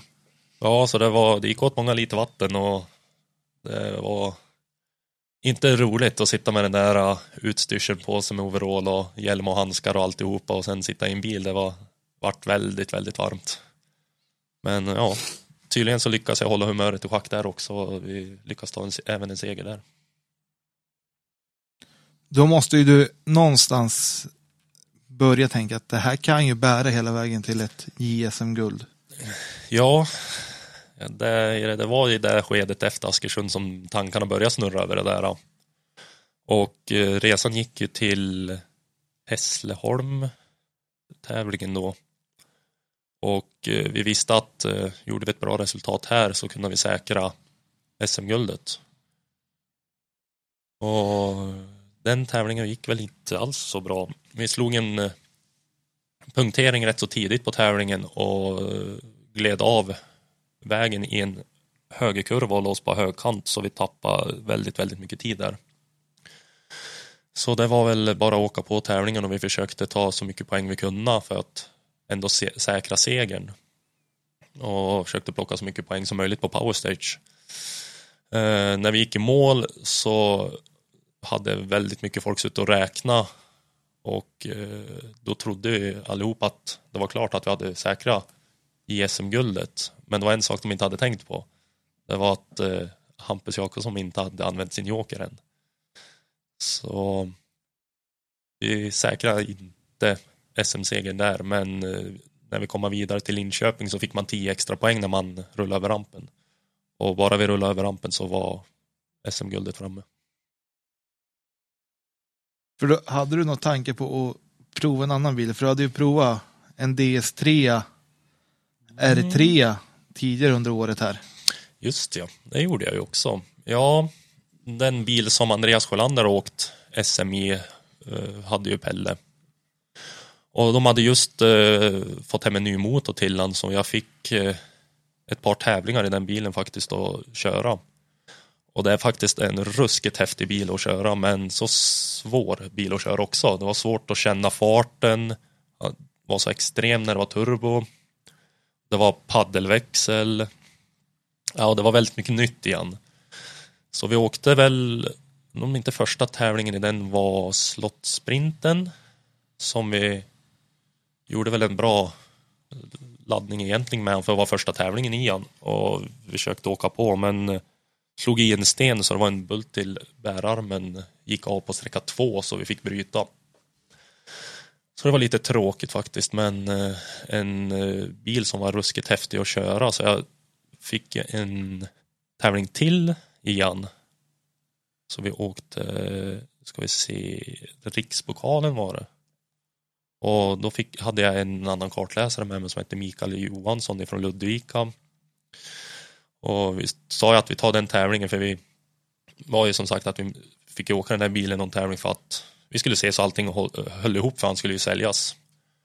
Så vi åkte väl den tävlingen i ett, ja, vi trodde det var ett skapligt tempo i alla fall, men eh, tydligen så var det lite för lågt. Det var väl inte sånt jättebra resultat, men eh, vi fick ju se att grejerna höll ihop och bilen var ju extrem att köra. Det, det spelar ingen roll vilken växel du la i, han bara ruskade på så och stack iväg och spann mer eller mindre hela tiden med han. Han var ju så ruskigt stark och vilket vrid det var i han. Så det, det var en häftig bil att köra faktiskt. Men åter till SM-guldet här då. Hur gick tankarna när du hade rullat över rampen i Linköping?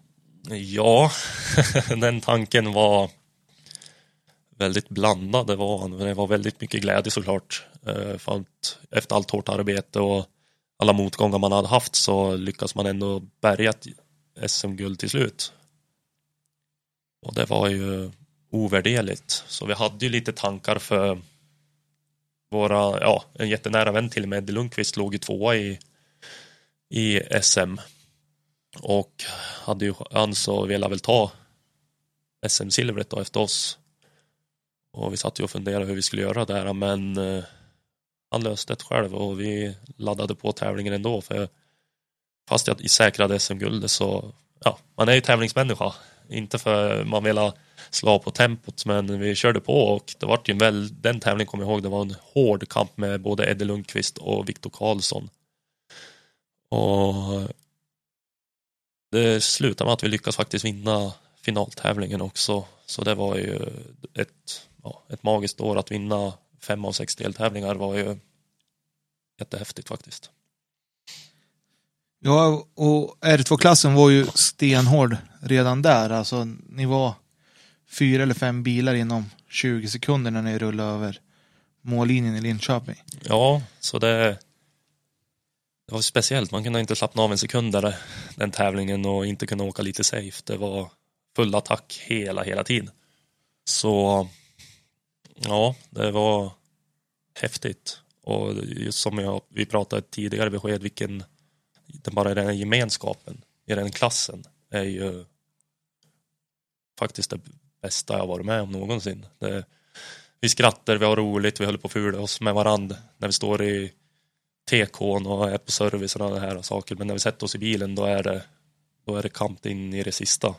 Och det, den känslan och den vänskapen man får i en motorsportkrets, den är ju helt fantastisk. Det är ju kul att höra att det upplevs så från alla sidor. För vi hade ju Jonna E som bråde här tidigare också. Hon pratade också om den här gemenskapen som finns i runt ett, hela SM-deltävlingen eller runt varje tävling. Jo, så är det och det är, ja, jag vet inte riktigt, men det är allihop är ju glada killar och friska fläktar när det gäller att köra så och att det blir en sån här gemenskap som det har varit nu i SM det, det tycker jag är jätteroligt att se. För man ska man ska vara vän med varandra och ha roligt istället och i bilen då får man kampa så mycket som helst om man vill. Men du sa att du bara skulle testa grejerna om vi återvänder till Citroengen. Att de funkar och sådär. Ja, det vart ju det och det, bilen funkar jättebra den deltävlingen och det vart ju att vi åkte ytterligare en tävling med en, en asfaltstävling med två sträckor tror jag var, det gick två gånger nere i Tierp. Och det var väl en liten sak som Pelle kom på där att vi allihop skulle åka ner. Så Petter var där med person jag var där med Citroengen och Pelle var där med sin eskort. Så allihop tävlade och det var ju roligt, det var det. Första sträckan så gick det jättebra, då var vi tvåa i klassen och den där bilen var ju helt suverän att åka asfalt med. Och andra sträckan laddade vi på lite till och det var en kurva där som det var väldigt mycket mossa i som eh, jag inte riktigt var uppmärksam på så det slutade med att vi rullade bilen åt han. Du skulle ju bara testa så grejerna funkar Jari. Ja, det var ju sagt så, men man var lite väl mycket tävlingsmänniska så det slutade med att det var en, en liten kullerbytta där. Och testade ju buren också i alla fall. Ja, ja, så vi vet ju att den var ju intakt och bra så så det var lite skruvning igen där och fixa till bilen. Men efter den deltävlingen så såldes han faktiskt. Så det, det var ju skönt. Ja, det var ju tur att det gick att sälja den. För att det var bara var en liten lätt rullning. Ja, det var det. Det vart bara lite ytterplåt som vart knöligt. Och sen så bytte du bort din Fiesta som du hade haft kvar. Ja, det stämmer. Jag hade haft Fiestan där ett bra tag som han bara mest stod i garaget. Eh, så jag gjorde ordning den, lämnade iväg karossen på lack och fix och gjorde upp bilen så han var i ett jäkligt fint skick.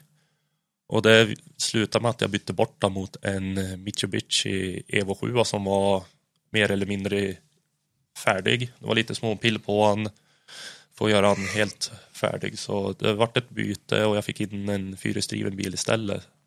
Som eh, vi började åka med lite sporadisk 2019 istället. Man får gratulera till SM-guldet 2018. Tack. 2019 så växte ju R2-klassen något enormt skulle jag säga. Det blev ju en och samma klass, både senior och junior. Man kunde vinna två SM-guld. Och alla som satsade på SM hade ju jag säger att ni var säkert innan säsongen var ni sju, åtta stycken som skulle kunna vinna och det måste ju kännas som en riktig morot som dig som regerande mästare att nu jäklar ska jag försvara det här. Ja, självklart, det gjorde det och det vart ju ska man säga, ett spännande år faktiskt. Det var ju väldigt många snabba chaufförer, det kom in väldigt många nya som vi visste åkte ruskigt fort och även eh, de gamla som vi visste fortfarande åkte också ruskigt fort så det vart en eh, säsong med blandade resultat faktiskt. Och ett år egentligen som jag inte hade tänkt mig att det skulle bli, men eh, det är rally så allting kan ju hända. Började med Bergslagsrallyt, bara en vintertävling i SM i år. Och där var det ju riktigt tuffa fighter mellan topp tre, eller topp fyra där. Ja, det var riktigt tufft och lite tråkigt att det bara var en vinterdeltävling i SM och då min favorit är ju vinter så. Men det, man vart lite sporrad när Dennis Rådström kom dit och åkte. Och vi hade ju Hampus Jakobsson och Robert Andersson, William Bimbars, Ed Lundqvist. Så det, det fanns ju jättemånga snabba chaufförer. Så det, det vart en hård kamp där och om jag inte minns fel så slutade vi på tredje plats den deltävlingen, men det var inte många sekunder ifrån tredje plats upp till första plats som eh, Dennis Rådström stod. Nej, det var extremt kul att följa fighten där. För det var ju inte avgjort förrän sista sträckan. Nej, så var det och det vart ju kamp även på sista sträckan hela vägen in och om jag inte minns fel hade jag kanske tre sekunder upp till Hampus som var tvåa och ytterligare tre sekunder till då upp till Dennis. Så det var ju mellan de topp tre så skilde det sex sekunder. Så det, nej, det var extremt. Men eh, en sån knölig person det har jag inte sett på en vintertävling någon gång. Det var inga stötfångare satt där de skulle, de var sönder och det var buligt i framskärmar och bakåt. Det gick över hela vägen på slutet och det, alla tre laddade ruskigt hårt. Men det, där sätter man ju en nivå på mästerskapet. Alltså att det här kommer inte ge sig själv i år utan det här kommer vara fight ända in på mållinjen. Ja, det vart ju det och jag vet inte om eh, i mitt tänk så tror jag var att när allihop såg hur fort vi åkte där på den deltävlingen i toppen så tror jag det var att fler började inse att det går att åka ruskigt jäkla fort. Så det allihop steppade upp ett steg där alla började åka fort. Och det vart ett år som var ja, så många som skulle kunna vinna deltävlingen och det, man visste inte alls vem det skulle vara som tog seger när man åkte på en SM-tävling för det fanns så många som åkte så ruskigt fort. Så var det och du provade ju åka lite Evo emellan tävlingarna här. Och åkte Svenska rallycupen i Götene, har jag för mig det var. Premiären. Det stämmer och jag åkte även ett par vinterdeltävlingar. Eh, en tävling uppe i Hassela i Hälsingeserien och Finnskogsvalsen åkte jag. Och sen åkte jag den sista vinterdeltävlingen uppe i Övik också. Och Hassela den var ju den första deltävlingen för mig i en fyrhjulsdriven bil. Och där vart jag trea totalt om jag inte minns fel. Och Finnskogsvalsen gjorde vi ett litet misstag på första sträckan och snurrade och fastnade i snövallen. Så vi fick skotta oss ut då, men sen resterande sträckor hade vi en hård kamp med eh, jag tror det var Sebastian Eriksson i hans Mitsubishi, så vi slogs med sekunderna vem som skulle vara totalt snabbast där. Så det var jätteroligt också, så det föddes ett nytt frö där att åka en fyrhjulsdriven bil, det var ju någonting helt speciellt. Så vi fortsatte och åkte lite sporadiskt med den där, bara för att egentligen hålla igång och så få en liten mer utveckling och lära sig fyrhjulsdrivet då. Så vi åkte tävling uppe i Övik som också gick, eh, var väldigt tufft och hårt. Det var ju hård kamp med en stigande vagn och någon, jag kommer inte ihåg vad han heter, någonting med Nilsson har jag för mig. Och också kom upp ifrån Vännäs tror jag han var. Så det vart också en hård kamp och där slutade vi trea totalt också och vi tog eh, även eh, en sträckseger där och var totalt snabbast på. Så det, man märkte att man lärde sig mer och mer i den fyrhjulsdrivna bilen och lära sig köra. Så det, det fick rulla på. Så vi åkte två grustävlingar där före första SM-deltävlingen om jag inte minns fel också. Vi var över till Gotland och åkte. Och första sträckan där gick ju otroligt bra. Det var väldigt dammigt, men vi var tvåa totalt efter Jari Sarinen. Och sen var det till lördagen, tror jag, första sträckan. Så åkte vi den där kända sträckan Tofta som har skördat, skördat många, många offer. Och tyvärr skördade även oss. Det var en chikan som vi kom bra ladd in i och det kändes som vi hade kontroll över det men vi studsade ur spår så vänster bakhjul slog i en sten så vi slog punktering och knäckte ett par bärarmar så eh, det vart slut på den tävlingen där. Tråkigt att få bryta med en sönderslagen bil men sen blev det likadant i Göten också. Det var också besök utanför vägen. Ja, där hade, var det absolut inget fel på laddet heller. Där laddade jag på lite väl hårt, men eh, vi hade en, det var en högerkurva om jag inte minns fel, det var en höger två och så stod det sten inner, så jag släppte ut bilen lite grann för stenen för jag såg han. Men problemet var att det var två stenar där, så jag slog i stenen rätt så hårt så vi for ut på yttern och det var ett under att vi inte rullade för det studsade och slog på varenda stubb och sten som fanns på det där diket tror jag så då vart vi ståendes där med en krokig bakvagn igen och en krokig framvagn. Så det var lite tråkigt faktiskt. Ja, ingen bra inledning på grussäsongen. Nej, det kan jag inte påstå, men eh, ja. Men sen ner till Sydsvenska och ladda. Nu, nu var det SM igen. Nu var det SM igen och eh, då hoppade vi, var vi tillbaka i person. Och vi laddade på bra och vi tyckte vi hade ett bra tempo och körde det jag klarade av. Men tiderna följde inte heller med. Alltså. Så vi började klia oss i huvudet och vi testade ändra bilen lite grann men eh, vi laddade väl på lite väl för mycket där på en sträcka, eller egentligen två. Så vi var en kurva som vi tvåhjulade i första vändan och andra vändan på den sträckan då var det ingen tvåhjulning, då fanns det en sten där som vi fick rakt i fronten. Så det, tyvärr så fick vi bryta den deltävlingen. Inget bra med högersvängen 2019, det hör ju jag. Nej, höger är ju ingen, inte min specialitet. det brukar ju vara tvärtom, att om det är kartläsardörren som är först så går att ladda lite extra. Men du tar alltid din egen dörr. Ja, det är bättre att jag skadar mig själv än att man skadar kartläsaren. Så är det ju. Men där så blev det motgång igen. Ja. Hem, reparera bilen, bara två veckor till nästa SM-deltävling. Ja, och dit var vi väldigt taggad och laddad. Så som sagt, man fick ju räkna bort en deltävling i SM. Så vi såg ju eh, fortfarande möjligheten att kunna vara med och slåss om ett, ett guld igen. Så vi åkte ner. Vi hade med oss faktiskt Jim Järpe som var med och hjäl skulle hjälpa mig att lära mig lite grann. Och direkt vi hade kört en sträcka så kollade vi på Incar-filmerna och han hjälpte mig att förklara lite grann hur jag skulle ändra på körsätt och sådana saker för att hitta lite mer fart. Och där hittade vi faktiskt lite mer fart. Vi tog några sträcksegrar om jag inte minns fel och vi slutade trea i JSM och fyra totalt i otimma 2 VD. Då. Så då började självförtroendet och känslan att komma tillbaka men jag var fortfarande inte nöjd med bilen för jag tyckte jag tog i ruskigt hårt men tiden inte komma. Och, så det vart ett lite hårt arbete där inför nästa deltävling för att hitta det där lilla, lilla extra.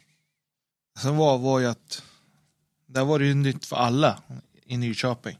Det var inte någon som hade åkt SM där innan. Nej, så det stämmer ju ja. Och sen eh, det var ju jättebra upplägg där för det var ju en, del, en dags tävling. Vi åkte väl bara på lördagen. Eller Nej, ni åkte en sträcka fredagskvällen två gånger. Ja, så var det just det ja. ja. Och sen åkte vi lördagen ja. Så det, det var ju nytt och nya vägar. Väldigt roliga vägar. Det var väldigt tekniskt. Väldigt mycket sten, men tekniskt. Och nej, det var faktiskt en rolig tävling det. det den hoppas jag så faktiskt kommer tillbaka någon gång. Ja, men hem och göra läxan på kammaren som vi pratade om. Och försöka hitta speeden i bilen igen. Ja, vi tog lite funderare där vad vi skulle göra och vi tog hjälp av eh, Öhlins och få till bilen bättre, hitta lite väghållning. Och jag tror, åkte jag en deltävling emellan där? Det fanns en tävling till däremellan, eller vart det senare? Nej, det vart nog senare kanske. Nej, jag åkte en deltävling däremellan, uppe i Hälsingland, i Hälsingeserien, då Silja-svängen. Och då hade jag faktiskt Emil Bergqvist med mig i höghistolen, va? Jo, det hade jag när jag åkte Silja. Ja, det kan stämma. Ja, och eh, där ledde vi tävlingen och tanken var väl att åka för att få lite självförtroende och försöka hitta lite mer speed. Så vi laddade på där bra och ledde ända till sista sträckan när vi slog punktering. Så det vart ju som det vart. Men du tog en totalseger där i light, light ja, on också ju. Just ja. Mellan de tävlingarna. Ja, ja, ja, jag åkte ju light on tävlingen där, ja. Light on sprinten uppe i Östersund. Och då åkte vi också person för att få lite självförtroende och den tävlingen gick ju helt sjukt egentligen. Vi, det var tre fyrhjulsdrivna bilar med och en jäkla hög med trimma tvåhjulsdrivna. Och det, vi gick ut med ett väldigt hårt tempo direkt och hittade en väldigt härlig känsla i bilen. Och det slutade med att vi vann 2VD-klassen och vi vann även tävlingen totalt i person. Så det, det var faktiskt häftigt att ta en totalseger i en tvåhjulsdriven. Det kan jag förstå. Var det första totalsegern för dig också? Ja, det stämmer. Jag tror det. Det var det. Kul efter lite tuff in, eller ja, blandade resultat. Ja, och vi hade hittat som sagt en väldigt bra känsla i bilen där och fått hjälp av Öhlins och fått till fjädringen ännu bättre och hitta den inställningen som passar mig. Så känslan var ju bra inför Kolsva.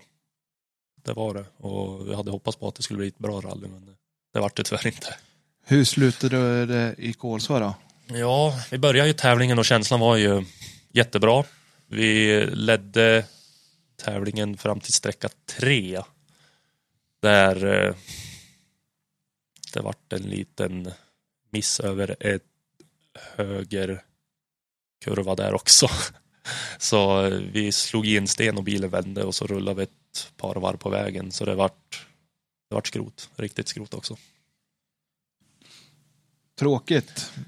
Och där försvann väl kanske SM-medaljchanserna också? Det vart det och det vart väldigt mycket reparationer på bilen. Det vart en helt ny kaross. Det enda vi sparade ifrån bilen var ju motor, växellåda och fjäderben och bromsoken. Resten vart ju nytt på den. Så det, den tog väldigt, väldigt mycket stryk, det gjorde han. Så det tog tid innan han vart ihopskruvad. Hur fortsätter du säsongen då? då? Ja, vi satt ju och funderade där och pratade lite hur vi skulle göra.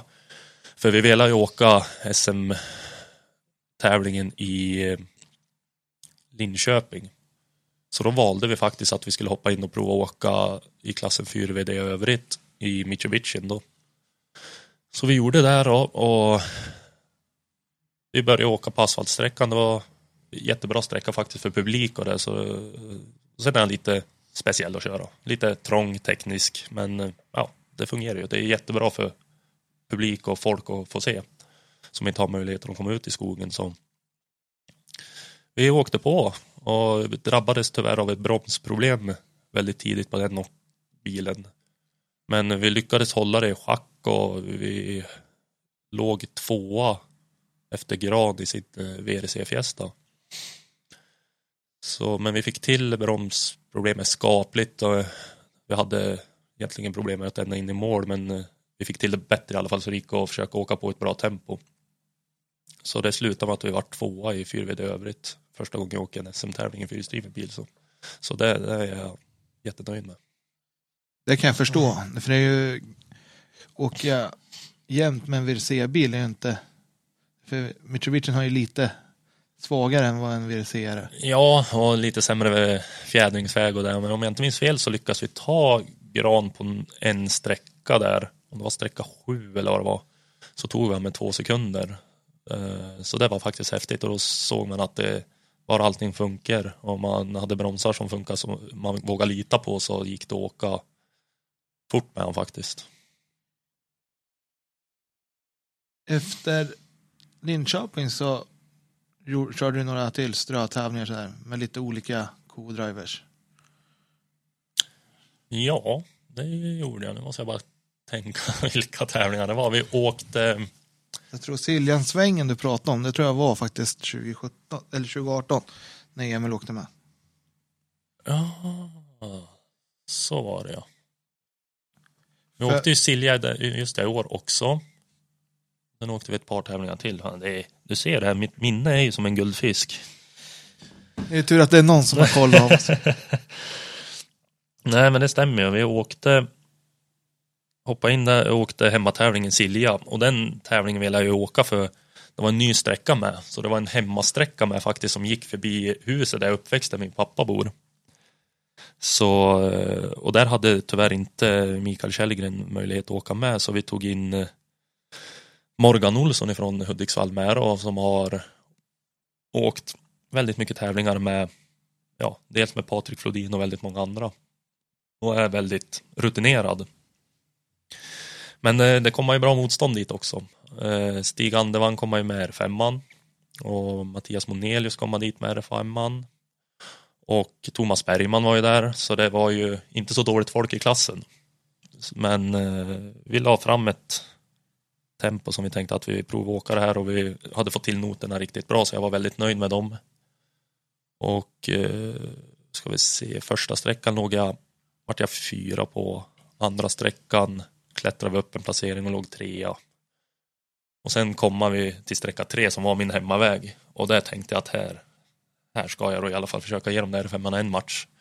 Och det lyckades vi faktiskt göra så vi, vart, eh, vi var tvåa där bara om det var en eller två sekunder efter Andevang. Och vi klodde Monelius på sträckan så det var, det var häftigt faktiskt med Mitsubishi. Så vi körde på tävlingen och vi slutade trea totalt efter Andevang som var vann och Monelius tvåa och jag trea då. Så det, det var faktiskt jätteroligt. Det förstår jag. Alltså alltid kul att få åka hemma. Och nu var det verkligen runt husknuten. Ja, det kan man nog säga. Jag fick ju passera gårdsplan så det, det var ju häftigt faktiskt att få åka den vägen på tävling. Sen åkte du ju två tävlingar till i alla fall. Det var ju Rikspokalen där det alltid kommer mycket startande. Så är det och där eh, gick det väl inte alls något bra. Jag hade bra känsla dit och hade även en ny kartläsare gav möjlighet till Nelly Karlsson att få åka med i fyrhjulsdrivet. Och eh, det var ju faktiskt jätteroligt. Jag, en tjej som jag varit mäkta imponerad på. Det är en, eh, en tjej som man inte har hört så mycket om i rallysvändningen men eh, hon visste vad hon gjorde när hon satt i kartläsarstolen. Så vi åkte iväg på sträcka ett och hade väl tyckte vi hade ett skapligt tempo men eh, tiden var väl inte den bästa och till sträcka två slog jag punktering så vi stannade på sträckan och bytte så den eh, körde vi på tävlingen bara i vårt eget tempo och bara försökte få lite körglädje och ha lite roligt bara. Där ser man och du pratade tidigare, alltså nu är ju säsongerna slut här men hur har team, alltså hur har det varit att ha haft ett team de senaste åren jämfört med att ha allt ansvar själv över bilen? Det är ju egentligen som natt och dag, tycker jag i alla fall. Vi, I det här fallet så på Yokohama har vi ju en som skruvar nästan dagligen på bara rallybilar där och håller koll och sköter dem så de ska vara snygg och prydlig och ha bra koll på dem inför tävlingarna. Så det, det är ju jätteskönt att slippa hålla på och få fundera på det och vara väldigt många timmar i garaget och hålla på och skruva. Och eh, förutsättningarna är ju, det är ju, det är ju mycket, mycket bättre, så är det ju. Men det, det kostar ju lite till istället. Men eh, i slutändan så är det faktiskt värt det. Det kan jag förstå. Du kommer mer uppvilad och mer vet det, koncentrerad till tävling och vet vad du ska göra. Ja, så är det ju. Och eh, vi åkte ju ett par tävlingar till där i Mitsubishi. Och eh, även fast det är min privata bil så har jag haft en i Gävle på Yokohama och haft hjälp med den också. Så vi har alltid haft väldigt bra hjälp för att eh, ja, hitta speed och komma väl förberedd och vara mer avslappnad och inte helt slutkörd för att man har varit i garage halva nätterna. Kul att höra din berättelse Jari. Nu är det dags att börja runda av här, men vi har ju lite ständiga frågor och jag har ju alltid vad kommer hända 2020? Ja, de flesta är väl jättenyfiken, men eh, vi kommer åka SM i alla fall, det, så långt kan jag säga och det kommer bli även några andra tävlingar också. Men eh, i vad det får ni snart se. Eh, det är bara en liten pusselbit kvar och bara få besked på den så kommer vi släppa vad vi gör. Ja, men tänk på det, är några dagar kvar till podden släpps här. Nu får du ju köra breaking news här. Ja, nej, men eh, jag kan väl egentligen avslöja att för det, det är inte så länge kvar till det nya året. nej, men det har blivit som så att vi har kollat väldigt mycket på var vi ska åka och det är ju fyrhjulsdrivet som lockar, så är det ju. Och vi kollar ju väldigt mycket på faktiskt att åka R5 men eh, vi skrotar väl egentligen den idén för jag är ju väldigt, ska man säga, så att eh, ska jag gå in i en ny klass så vill jag göra det helhjärtat och jag vill veta att jag kan vara med där uppe och slåss om det. Och ta ett steg ifrån R2 upp till R5 tycker vi att det är lite väl stort och väl snabbt på att göra. Och det blir mycket mer hårt arbete för att få upp det och allting. Så vi valde att uh, vi kommer åka i fyrhjulsdrivet övriga nästa år i, i Mitsubishi som Yokohama kommer sköta åt med. Då. Och vi har gått igenom han och gjort ordningen allt så att det ska vara allt i topptrim så det är bara föraren och kartläsaren det hänger på sen när man är ute på tävlingar. Så han har, den har blivit folierad, Yokohama-färgerna och allt är klart. Så nu är det bara en liten pusselbit kvar som väntas och det är ett besked på en ny kartläsare för jag och Mikael Källgren har, ja, inte, kan man inte säga heller att de valt att gå skilda vägar men eh, hans tid räcker inte till att åka egentligen i SM och han kände sig mätt på åkat så vi kommer ha en ny kartläsare med oss nästa år och eh, jag och Micke har ju väldigt mycket kontakt och han är med i teamet fortfarande och hjälper till och donar och hjälper mig på alla sätt och vis ändå fast han inte är med i högerstolen och mer så. Kul att du kan släppa lite nyheter i alla fall. Det, det är nog den första som kan säga i alla fall en liten plan ja. vad som gäller nästa år. Och sen lämnar jag över till Daniel som har sina standardfrågor. Jajamän. Vi börjar med den första eh, bästa skogsminne. Alltså bästa tävlingsminne. Mm, det är faktiskt eh, SM i Vännäs. Ja. När eh, man fick se resultaten. Det, var, det är det bästa minnet jag har och det är obeskrivligt. Ja, det måste varit mäktigt. Ja, det var det helt klart. Garagetabbe, finns det några sådana? Ja, där har jag faktiskt en eh, jätterolig. En, eller ja, jag tycker han är rolig. Men eh, det var den tiden jag hade Ford Fiesta ST. Och eh, höll på och gjorde ordningen inför sommarsäsongen och höll på att städa ur han och det. Och när jag höll på att torka ur han så kom jag åt knappen till sprinklersystemet. Så jag fyllde hela motorutrymmet, hela kupén, allting med skum. Så eh, ja, jag hade några timmar framför mig att städa bil sen ytterligare igen men jag fyllde hela bilen med skum. Underbart ju. Nej, det, det var... kan vi kalla tabbe. Ja, det är tabbe det. Snacka om skumparty. Ja, men riktigt. ja, finns det något mer eller? Mm. Har du något mer på lager? Sånt är alltid roligt att höra tycker jag. Uh, ja, den här klassiken vet du, det, när man har gjort ordning bilen eller höll på med den och sen ska man ut och känna på grejerna och glömmer låsa den där förbaskade huvudlåsen. Av alla bilar jag har haft så har jag flugit upp huvudet på allihop. Jag glömmer det varje gång. Yes, där kom den första som vågar erkänna det. Ja. Ja, det är skönt med ärlighet i podden. Ja. ja. Eh, bästa eller sämsta skogsminne blir det ja. Bästa har vi redan tagit. Eh. Du har ju gjort många...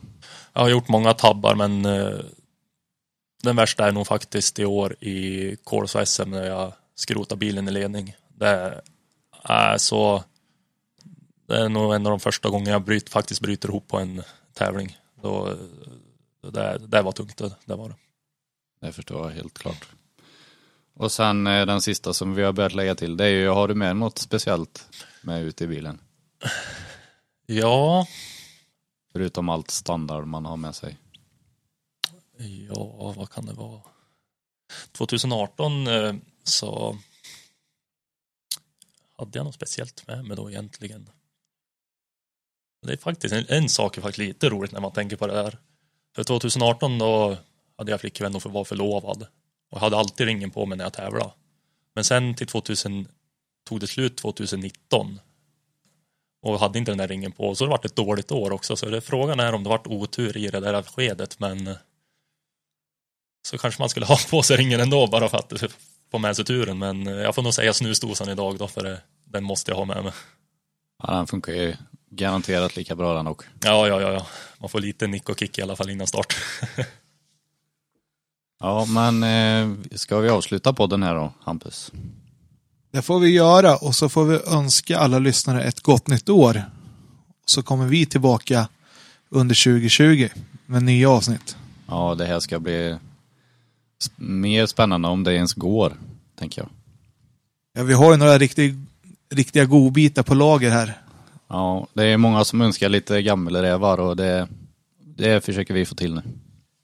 Vi har, vi har några på gång så håll ut, det är bara att vi ska hitta tid till att träffa dem och köra igång en, en intervju med dem också. Precis. Men vi tackar Jerry. Tack själv. Hej då! Hej hej. Dagens avsnitt av Rallypodden presenteras av Mekonomens Spelhagen med Rickard Omberg och kompani.